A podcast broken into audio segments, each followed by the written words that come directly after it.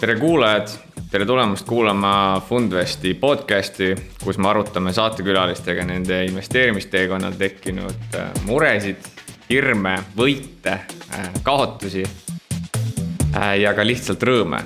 Minu nimi on Rasmus Klaasson ja täna on meie podcastis külas Anton Šafrostin, Opteris OÜ juhatuse liige ja omanik.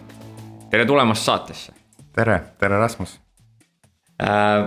palun võib-olla alustuseks äh, tutvustad ennast lühidalt, et äh, millega sa hetkel siis igapäevaselt tegeled?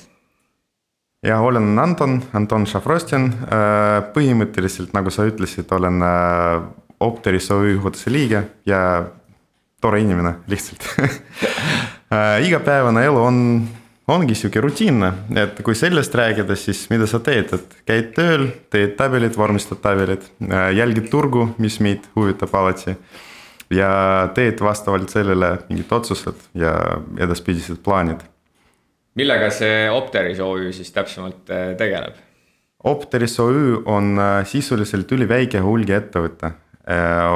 Ostame sisse vedelkütuseid ja müüme neid edasi, et sisseostupartiid on hästi suured laevapartiid, ütleme rongidega ja nii edasi ja müügipartiid meie poolt on suhteliselt väiksed, aga ikkagi hulgimüük.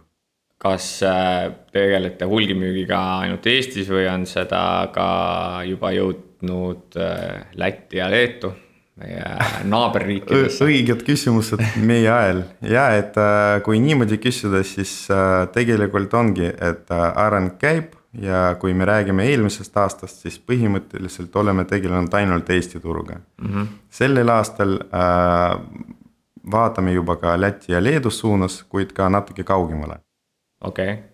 äh,. nagu Ukraina põhimõtteliselt. Ja nagu sa tead, aeg ongi selline, et äh, kütusega on suhteliselt raske olukord. Äh,, kütust ei ole piisavalt palju mitte kellegi jaoks ja seega katsume aidata ka mitte ainult meid, vaid äh, meie naabreid vajadusel. Um eks see on ka üks põhjus, miks sa, miks ma su siia kutsusin praegu, et äh, naftaturg ja üleüldiselt vedelkütuste turg on äh, äärmiselt, äh, äärmiselt närviline, et arvestades seda hetke turuolukorda, et, et millised üldse saavad olla väikse hulgimüüja eesmärgid või tulevikuplaanid või kasvuplaanid, et.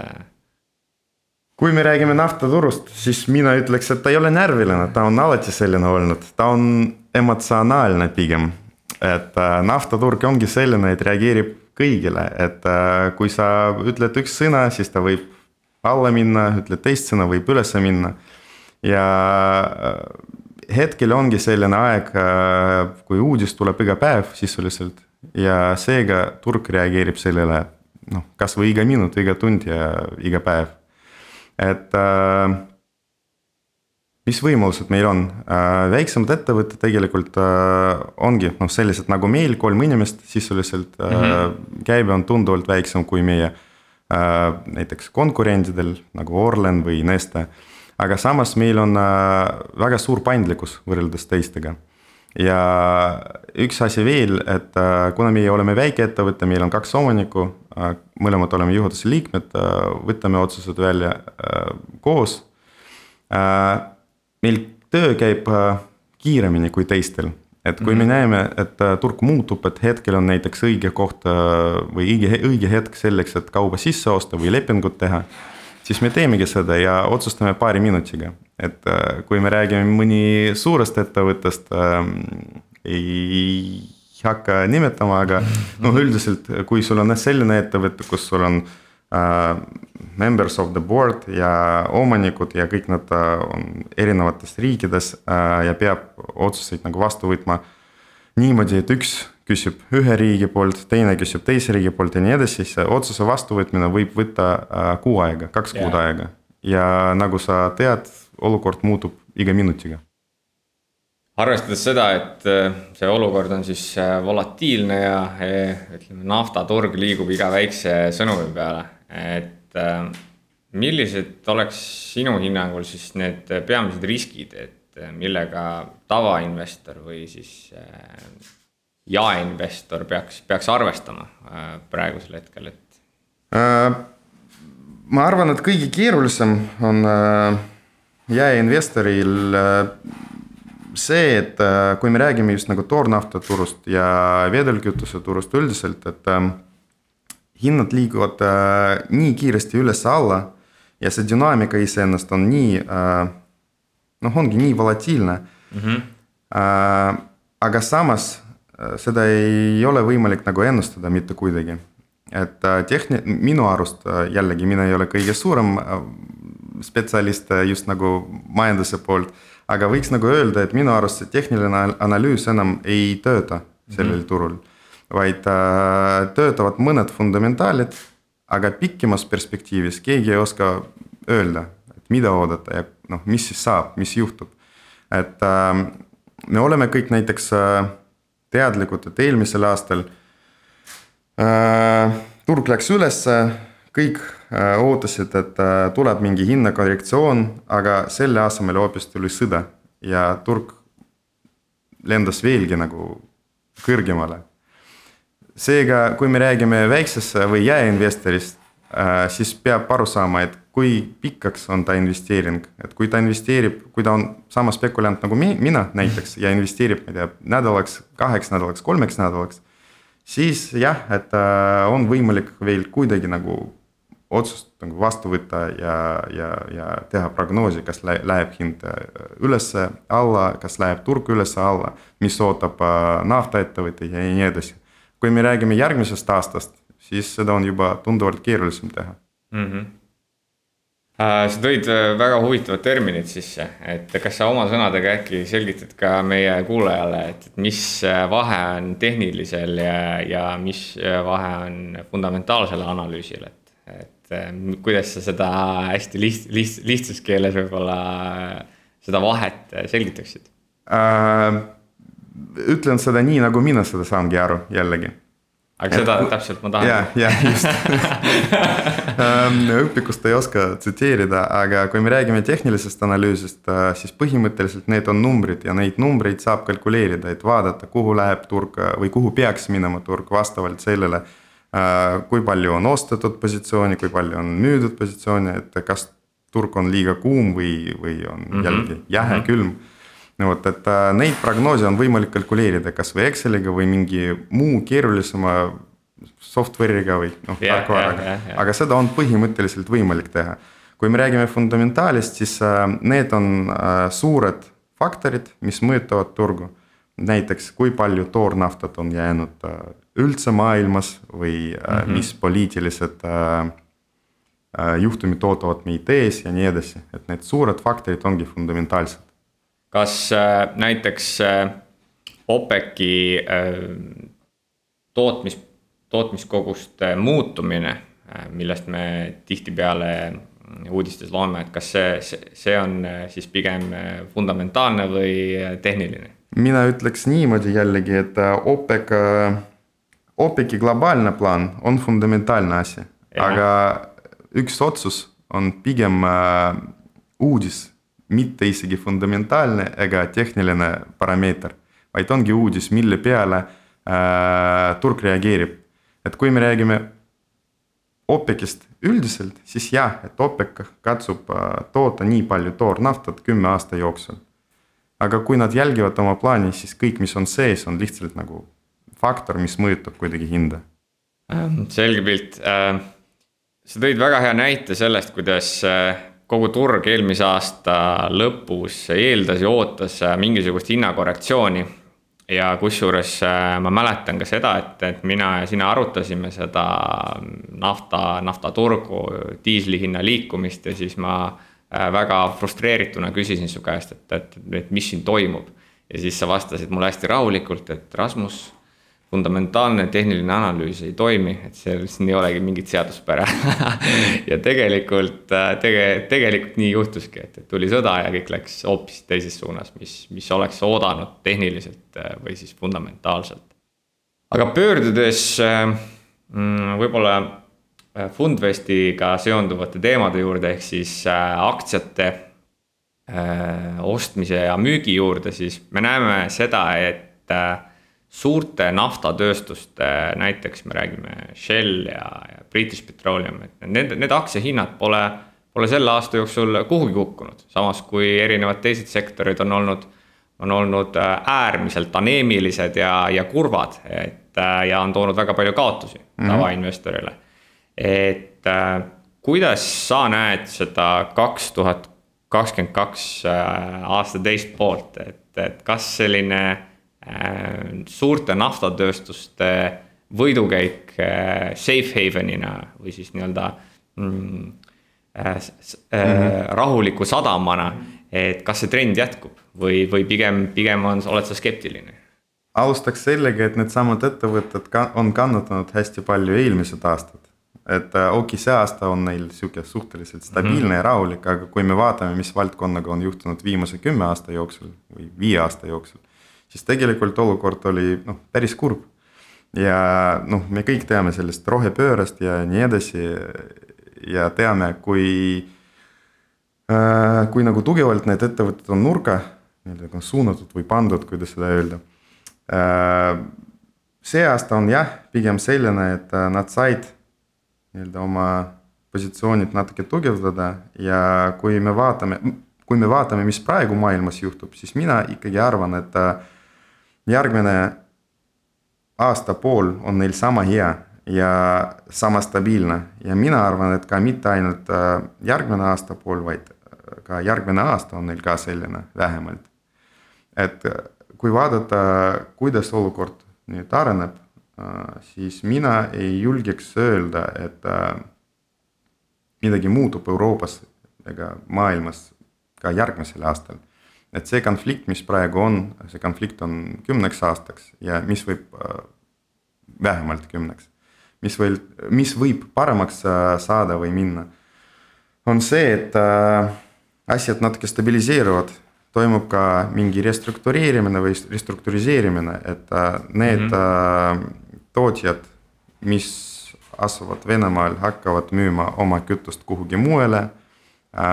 Euroopa Liidust ostjad hakkavad ostma ka mujalt. ega see kõik äh, natuke, kuidagi nagu natuke mõjutab äh, posi-, noh positiivsemaks meie turgu. kuid kui kiiresti see juhtub, ma ei oskaks nagu isegi nagu panustada, et ma ise arvan, et äh, talv alles tuleb. see on esimene talv, kus meil on suurem toode puudujääk. eks alles sellel talvel ettevõtted ja seega ka tavalised ostjad alles hakkavad tegelema oma probleemide lahendamisega. Nad hakkavad seda lahendama sellel talvel, neil võtab terve järgmise aasta suve vähemalt selleks, et kõik oma asjad nüüd lahendada ja võib-olla järg-, ülejärgmise või järgmise aasta talveks meil on mingi stabiilsus maas see turu ümbermängimine või ümber, ümberstruktureerimine, nagu sa väga tabavalt ütlesid, et eks see tundub ka mulle kui äh, naftatööstuse outsider'ina, kes on veidikene küll kokku puutunud.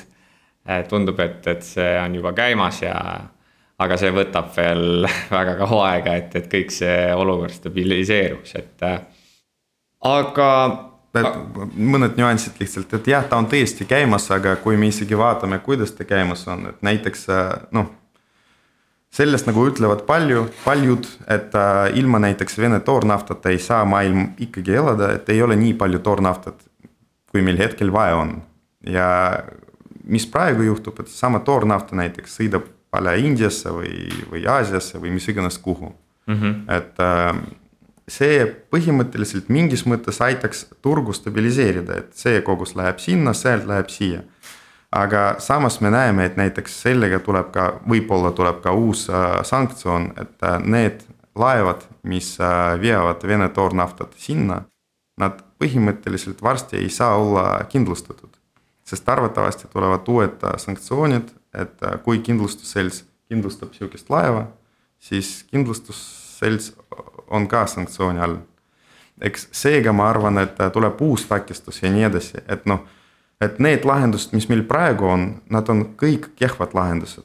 me mm -hmm. peame leidma kuidagi sihukest asja, mis aitaks äh, olukorda üle, üle elada ilma selleta, et Vene, Vene toornafta läheks kuhugi mujale, et ta oleks seal riigis sees Warren Buffett on tegelikult öelnud sellist asja, et uh, never invest in a business you cannot understand, et uh, ma siis küsiks kohe sinu käest, et kas jõudsid finantsmaailma või investeerimismaailma selliselt, et ostsid esimesena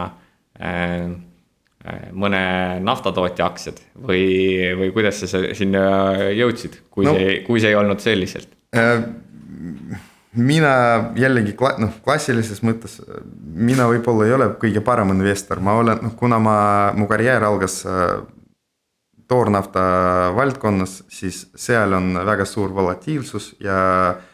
Ja selle volatiilsusega mina pidin nagu jälgima turgu ja minu arusaamine investeerimisest ongi selline, et äh, osta siis, kui on odav ja müü siis, kui on kallis või vastupidi Äh, sama, sama põhimõte mul on äh, muu asjadega või muu instrumentidega.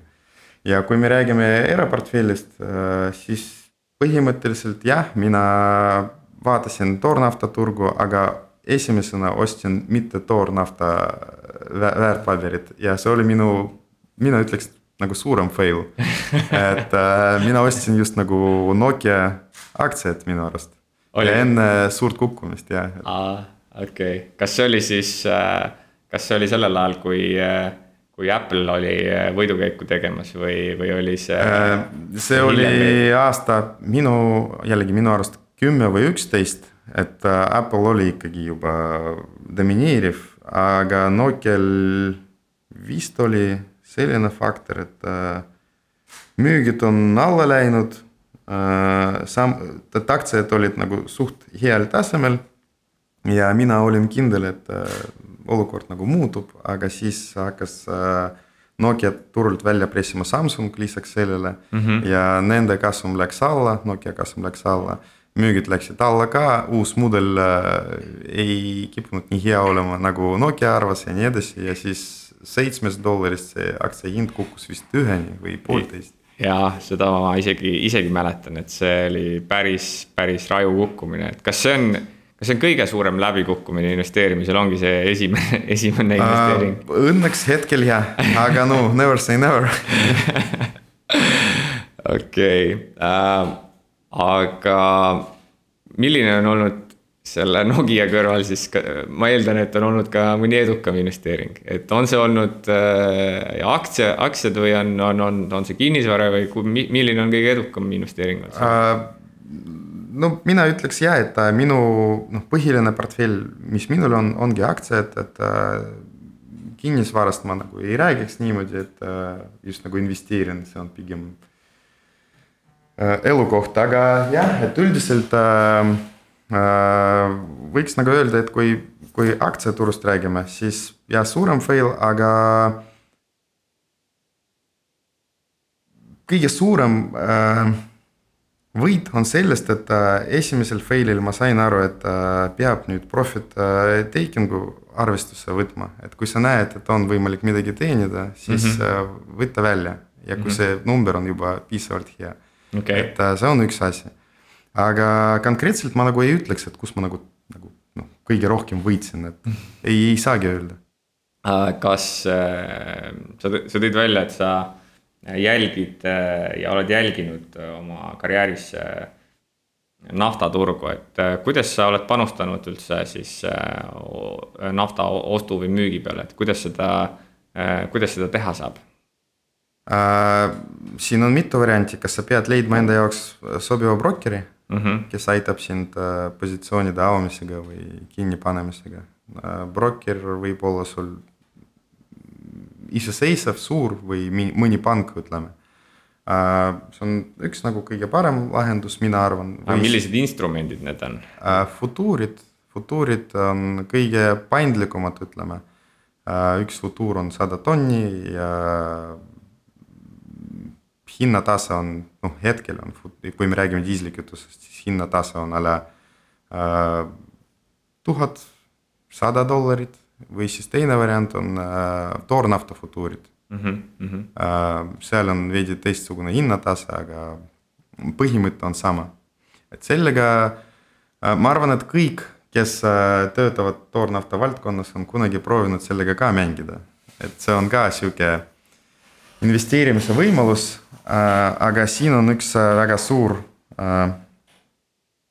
suur soovitus, et kui sa seda teed, siis sa pead väga hoolikalt nagu arvestama sellega, kui palju raha sul on et äh, turg ongi selline, et äh, kui sa just invest-, ostad või müüd futuuri mm, -hmm. siis sul kõik see on seotud deposiitidega, et sul positsioonil on deposiit. ja kui hind muutub väga palju, siis sa pead äh, deposiidi juurde maksma. Kas äh, juhul, kui sa tõid hästi välja, et äh, selle futuuri hind on tuhat ja see kukub näiteks kolmkümmend, nelikümmend protsenti, mida me oleme näinud, et need äh, naftafutuurid võivad teha tegelikult päevade jooksul see siis tähendab, et see deposiit ehk tagatis, et seda on siis vaja, vaja suurendada. just, sa pead brokerile juurde, juurde kandma mõni summa.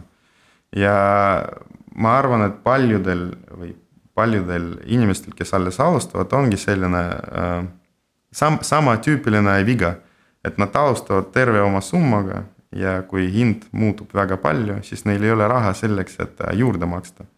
ja vaatamata sellele, et jah ühe kuu aja pärast või mingi paari nädala pärast see hind võib tagasi tulla, sa oled sunnitud oma positsiooni kinni panema kahjumiga. kuna sa ei saa seda stressperioodi üle elada. siis äh, selles valguses tundub äh, futuuridega kauplemine äh,. ohtlik. Väga ohtlik. ja sellest ütlevadki kõik brokerid ja pangad ja kirjutavad suurelt. ja ma siis küsin ka, et äh, miks ikkagi nafta hinna panustamisel kasutatakse futuure, miks ei saa naftat osta nagu aktsiat? keeruline küsimus, et keegi peab enda peale riski võtma.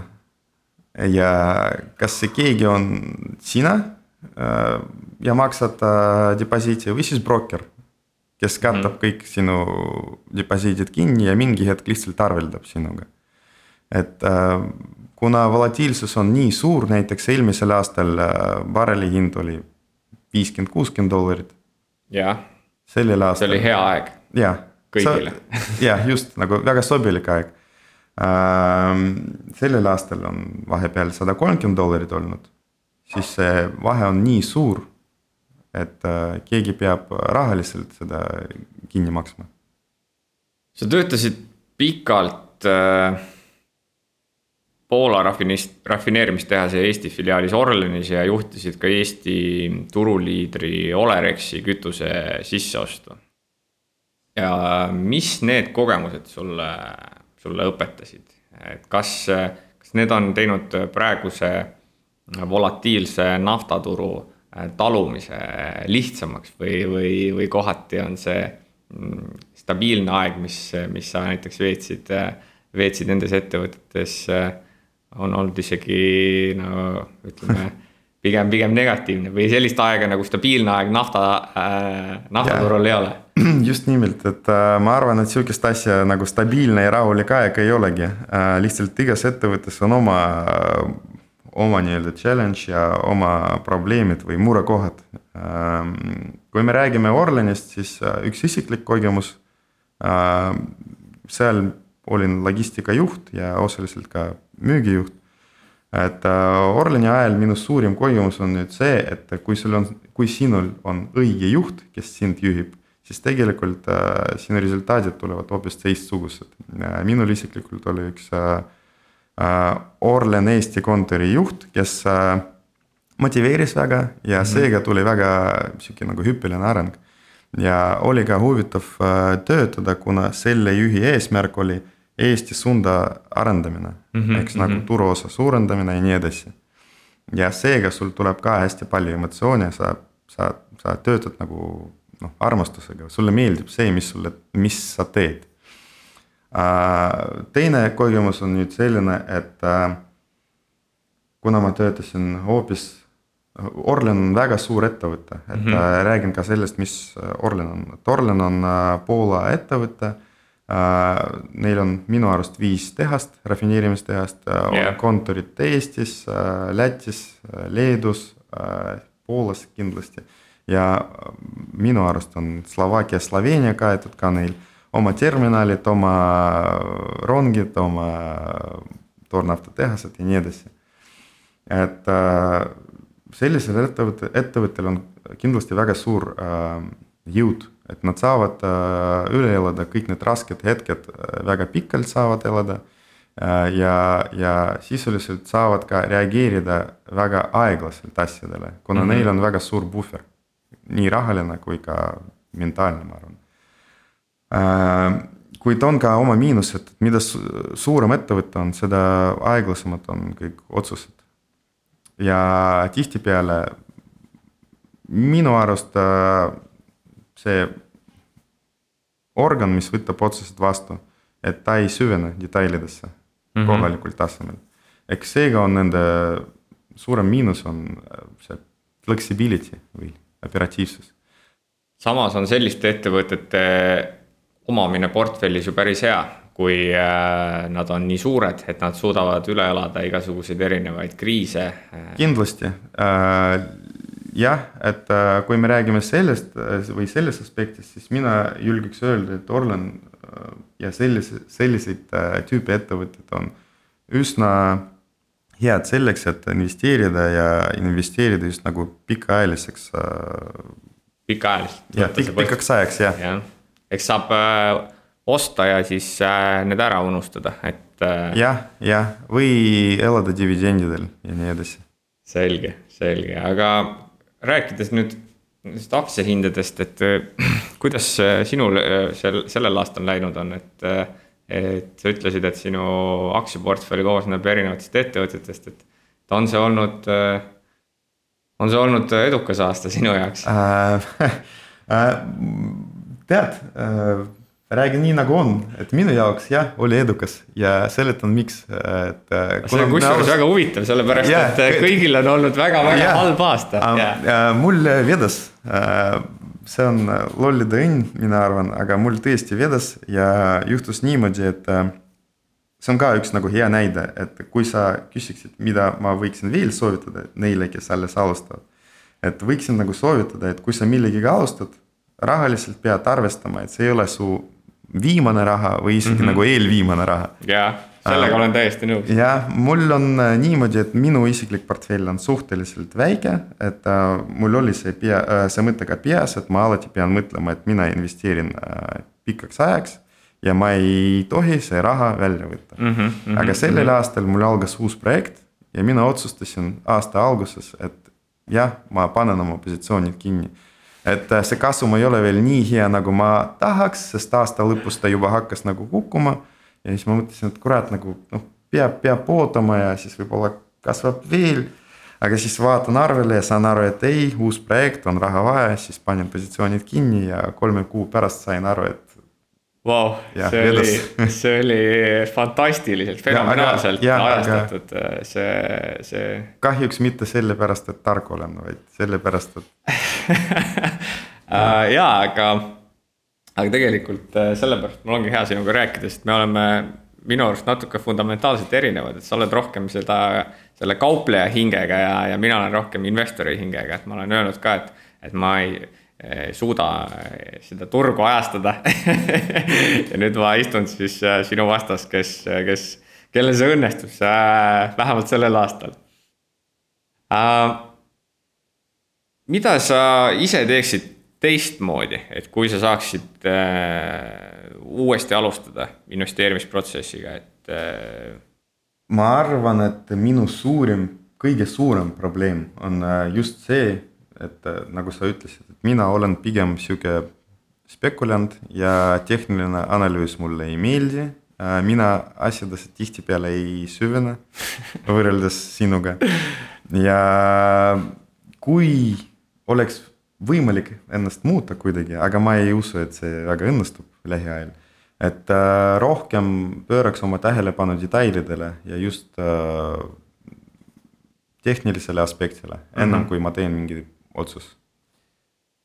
See on kusjuures väga huvitav vastus, et äh, on tehtud äh, uuringuid, et, äh, et see inimese, inimene valib endale ikkagi selle investeerimisstiili vastavalt sellele, et milline inimene ta on, et kui ta on selline nii-öelda vastuvoolu ujuja natuke, et siis ta valib sellise vastuturgu käitumise, ostab siis, kui, kui aktsia kukub nagu nuga, et see on siis selle noa püüdmine ja ja, ja on inimesi, kes on väga detailseid analüüsi, siis need vaatavad ainult fundamentaali ja, ja samas, samas on ka inimesi siis, kes on natukene kärsitumad võib-olla või, või tunne, tunnetavad seda turgu väga palju paremini mingis mõttes ja, ja need siis süvenevad vähem, aga samas nende ostud on ajastatud olu, oluliselt paremini. et igastahes on see, on see, on see, on see üsna, üsna huvitav, et et, et, et inime-, nii palju, kui on erinevaid inimesi, siis nii palju on ka erinevaid investeerimisstrateegiaid. kas lõpetades veel selline nafta, nafta diskussioon, siis kuidas saaks sinu arust üldse tavainimene võita sellest nafta hinna tõusust, kas see on üldse võimalik äh,? mina jällegi arvan, et äh, see ajalugu on meil selline, et kõik käib äh, lainetega mm. -hmm. et äh, küsimus on selline äh,, mis periood on sellel lainel, et äh, mis pikkus sisuliselt. et mina üsna kindel olen ja vaatame kümme aasta pärast, et äh, hinnad lähevad veel alla ja lähevad päris kõvasti. aga see võib võtta päris pikalt aega mm. -hmm. Äh, eks äh, kui sul on piisavalt palju finantse, sa võid vastu turgu mängida praegu ja ma üsna kindel olen, et äh, tulevad veel korrektsioonid, et võib-olla ei tule enam miinushind, nagu oli kaks aastat, kaks aastat tagasi, aga hinnakorrektsioonid tulevad veel kindlasti. see on üks variant. teine asi, et hetkel peab äh, silmad lahti hoidma ja ma arvan, et äh, veel rohkem investeeritakse nüüd alternatiivenergeetikasse mm -hmm. selleks, et äh, kuidagi sõltumatust saada. kas äh, sul on Enefit Greeni aktsiad on ka ikka ostetud? ei nüüd, nüüd tulen välja ja hakkan vaatama ühesõnaga, sa ikkagi oled ka sellest äh, nii-öelda rohepöördest tahad, tahad ikkagi tulevikus ju äh, ka kasu võtta, et või, või sa oled selle, selles osas nii skeptiline, et äh,? ma arvan, et meil ei ole muud varianti, aga jällegi hetkel ma arvan, et äh, ei ole ühtegi head varianti, et peab vaatama, noh, peab tulema mingi hüpe, mis aitaks äh, kuidagi hoopis teise tasemele minna. et kõik, kõik, mis meil praegu on, see on sihuke äh,, see ei ole hea alternatiiv, et äh, see on lisavõimalus, kuidas saab saada energiat või mis iganes mida äh,, vedelkütuseid ja nii edasi. Puh-, äh, biovedelkütuseid, bio või puhast energiat aga sellega sa ei saa asendada kõike praegu mm. -hmm. eks mina ise arvan, et tuleb veel midagi, kasvõi sama hidrogen, eks mm -hmm. vesinik, äh, mis arendatakse edasi või hoopis kolmas asi. ja kui õige, õigel ajal näed, et turul on uus äh, valdkond, uus äh, toode ja jõuad sellesse investeerida, siis jah, sellega võib võita hästi palju kas sa arvad, et äh, maanteetranspordis, äh, kui on lõppemas meil siis äh, see nii-öelda naftaajastu, et kas, kuidas, kuidas võiks jaeinvestor ennast selle vastu kaitsta, et kas peaks otsima vesinikutehnoloogiat arendavaid ettevõtteid või, või vastupidi, hoopis otsima ettevõtted, mis tegelevad siis äh, transpordi elektrifitseerimisega, et, et kumb sinu, sinu hinnangul seda äh, võidukäiku äh, võiks järgmise kümne-viieteist aasta jooksul teha ja miks?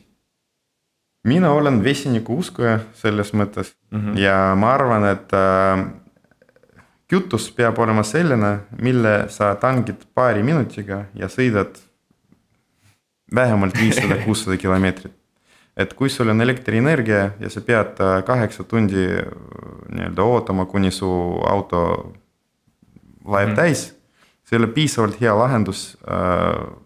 ütleme näiteks rekkade jaoks või rongide jaoks või isegi busside jaoks mm. -hmm. Erasektoris jah, kindlasti, kui sa elad linnas, kui su läbisõit on paarsada, kolmsada kilomeetrit kuus mm, -hmm. nädalas paari nädala jooksul, sa elad eramajas, sa võid laadida autot äh, öösel mm. -hmm. jah, see on hea võimalus, see on lisavõimalus, aga jällegi sellega kaasnevad muud probleemid, et. Äh, kui nüüd äh, me näeme et turul on nii palju elektriautosid. mis saab akudega kümme, kahekümne aasta pärast, et kuhu me neid hakkame panema, kas hakkame siis lahendama uued probleemid ja nii edasi. et kust me võtame nikelit, kust me võtame need toorained, mis äh, on vajalikud akude jaoks. eks äh, ma arvan, et äh, see elektrifitseerimine aitaks küll lahendada mõned asjad, aga kindlasti mitte kõike. ja sinna asemele hetkel reaalne alternatiiv on ainult vesinik, vesinik praegu mm. -hmm. et kas tuleb veel midagi, ei tea veel, noh elu näitab, et võib-olla teadnikud mõtlevad veel midagi välja tead, Anton, ma tahaks jubedalt äh, oponeerida, aga siin ma olen jällegi noh, sinuga üht, ühte meelt, et, et ma ise näen ka tulevikku selliselt uh,. provotseerin, sest sa oled uh, nii-öelda kütuseturul pikalt toimetanud mm,. miks ei vähene kütuse hind tanklas samal päeval, kui kukub uh, naftabarrel? see on tegelikult küsimus, mis äh, meil tekkis äh, Fundvesti kontoris mida hästi küsida sinu käest, nii et äh, ma siis. no siis jääb, siin, siin ma küll ei oodanud sihukest küsimust, aga, aga noh, katsun kuidagi vastata terve valdkonna nimel ähm, kui tõsiselt rääkida, siis ta ei saagi kukkuda samal päeval, sest sa ei osta ju kütust või ütleme, kütuse tarnetsikkel on äh, tanklatel circa kolm-neli päeva vähemalt, et kui sa täna ostad, sul peab tulema rekka selle kütuse järgi, mis viib kütust äh, tanklasse. ja see võtab vähemalt kaks-kolm päeva, kui sul ei ole jääki mm, -hmm. vähemalt. Äh, seega on see delay. järgmine küsimus sinu poolt oleks siis selline, miks hind tõuseb kohe, kui tõuseb toornafta hind aga tegelikult sellele on tehtud ka mitu analüüsi juba ja ei tõusegi, et äh, ta tõuseb ka äh, delay'ga üks mm, -hmm. kaks, kolm päeva. Nonii, ma loodan, et see rahuldas mu, mu tiimis töötavaid äh, siis uudishimulikke inimesi äh,, aga. saatke kirju, kirjutan vastu sa oled endine tippjuht äh,, sa oled äh, praegune osanik eh, sellises eh, päris eh, järjest kasvavas ettevõttes, sa oled investor. mis sind üldiselt elus veel motiveerib, et on see, on see, on see raha tõesti? ei, ma arvan, et raha, raha jaoks ei võigi motiveerida, et kui me räägime, noh, kui mina räägin ennast konkreetselt, et mind motiveerib minu perekond kõigepealt ja mul ei ole praegu soovi teenida nii palju, et äh, mul oleks terve maailma raha minu taskus. vaid mul on soovi teenida nii palju, et minu perekond elaks äh, hästi, ütleme. ja teine küsimus on nüüd selline, et äh, need eesmärgid on hästi nagu, seisavad oma vastu kuidagi nagu erinevas suunas. et kui sa tahad teha niimoodi, et perekond elaks hästi, sa pead koos perekonnaga elama kui sa tahad raha teenima, sa pead raha teenima ja, perekond elab eraldi aga üldiselt äh, mina katsun saada seda keskpunkti, et mul oleks võimalik nii äh, tööd teha kui ka perekonnaga aega veeta. ja see perekond ongi kõige suurem motivaator. aga kui me räägime just nagu ärist konkreetselt, et äh, praegu on üsna keeruline olukord vedelkütuse maailmas ja minu isiklik soov või ambitsioon on selline, et kuidagi aidata äh, kõigile, et äh, kütus oleks kättesaadavam, et hinnad oleksid madalamad ja üldiselt turg oleks äh, rahulikum ja stabiilsem. ja ma arvan, et kui sa teenid ainult või töötad ainult raha nimel, siis see lõpebki sellega, et sa võid üks aasta tööd teha, saada miljonäriks ja mm -hmm. keegi sinuga enam tööd ei tee või sa vaat-, valid mingit suuremat eesmärki. ja see eesmärk aitab sul koos eesmärgi lahendamisega raha teenida. päris hästi sõnastatud, no ausalt. Kui sa proovid siis ütleme elada sellist mõõdukat elu, et perekond ja sul on on töö ja sul on oma missioon, mida sa proovid äh, täita. Äh, kas siin on ka aega, aega lõõgastumiseks? Mil, mil...? ikka just, just hiljuti olin reisil, mootorrattareisil, et see on selline asi, mis aitab sind nagu unustada probleemidest, et kui sul on mootorratas, sõidad sellega, ma ei tea, kas maanteel või metsas või mis iganes, kus kohas, see on selline asi, mis. no et kui sul on kurvid ees, siis sa mm -hmm. pead keskenduma ainult kurvidel, sa ei saa mõelda tööst ega muu asjadest mm. -hmm. nii kohe, kui sa hakkad mõtlema muu, muust, siis see võib äh, lõppeda sellega, et lihtsalt nagu lendad teelt ära. ja ma arvan, et äh, see ongi sihuke hea asi, mis äh, aitab sind just nagu kontsentreerida millegi muu peal, mitte mõelda tööst ega ma ei tea, perest või mis iganes. et inimese aju töötab niimoodi, et kui see natuke puhkab, siis ta teeb seda sama tööd, millest ta puhkas nagu paremini. Vähemalt minu, minul on selline arvamus. ma olen äh, täiesti nõus, et minu jaoks on üks kõige raskemaid asju nädalavahetustel alati sundida ennast äh, puhkama ja, ja siis ma olen lülitanud telefonis kõik notification'id välja, et jumala eest äh, ma emaili loeks. muidugi ma, see on plaan tegelikult. jah, aga see ei, ei tööta mitte kunagi, jah. see kahjuks ei tööta jah, et äh, aga, aga võib-olla lõpetuseks, et äh, on sul mõni hea raamatusoovitus või, või kuidas, kuidas, kuidas sa üldse näed raamat, raamatute rolli, et Äh, kas me, kas selle naftasektori kohta oled sa pigem õppinud kogemuste pealt või, või raamatutest äh,? raamatud on ikkagi väga tähtsad või väga tähtis asi on see raamat ja lugemine iseennast, raamatud ja lugemine, aga äh, noh, kui me räägime toornaftast, äh, siis sisuliselt häid raamatuid ei olegi väga minu arust. ja on mõned äh, raamatud, mis aitavad sind aru saada, kuidas näiteks toornafta tehas töötab Äh, kuidas kõik need mm -hmm, noh mm -hmm. asjad toimuvad ja nii edasi, mis äh, mehhanism vastab mille eest. on näiteks üldised raamatud, mis jällegi näitavad sulle autori visiooni, kuidas see terve maailm, maailm nagu korraldatud on. aga kogemus on kõige parim asi.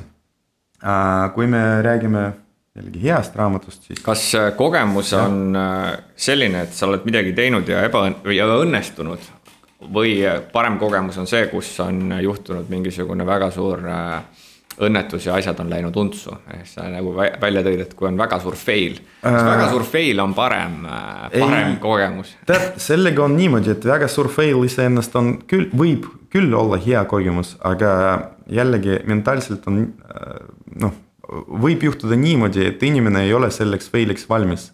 ja kui tal tuleb selline suur fail siis ta ei julge mitte kunagi enam äh, alustada uuesti. et see sõltub äh, konkreetselt äh, inimesest mm. -hmm. et mõni jaoks on suur fail on kõige suurem motivaator, aga mõni jaoks on niimoodi, et ükskord fail, isegi mitte nii suur ja kõik ongi nagu unustatud. kumb sina oled uh,? No mina ütleks niimoodi, et suur fail mind ka vist väga ei murra, aga kindlasti prooviks vältida neid suuri fail'e, aga e-, elus on olnud jah ja vot seega tahtsingi nagu öelda, et äh, üldiselt ma arvan, et äh, vaatamata, mis valdkonnas sa töötad, et kuna töö on äh, alati või turg on alati seotud psühholoogiaga ja inimeste käitumisega. Et psühholoogia ja raamatud on tegelikult üsna tähtsad meie valdkonnas mm. -hmm.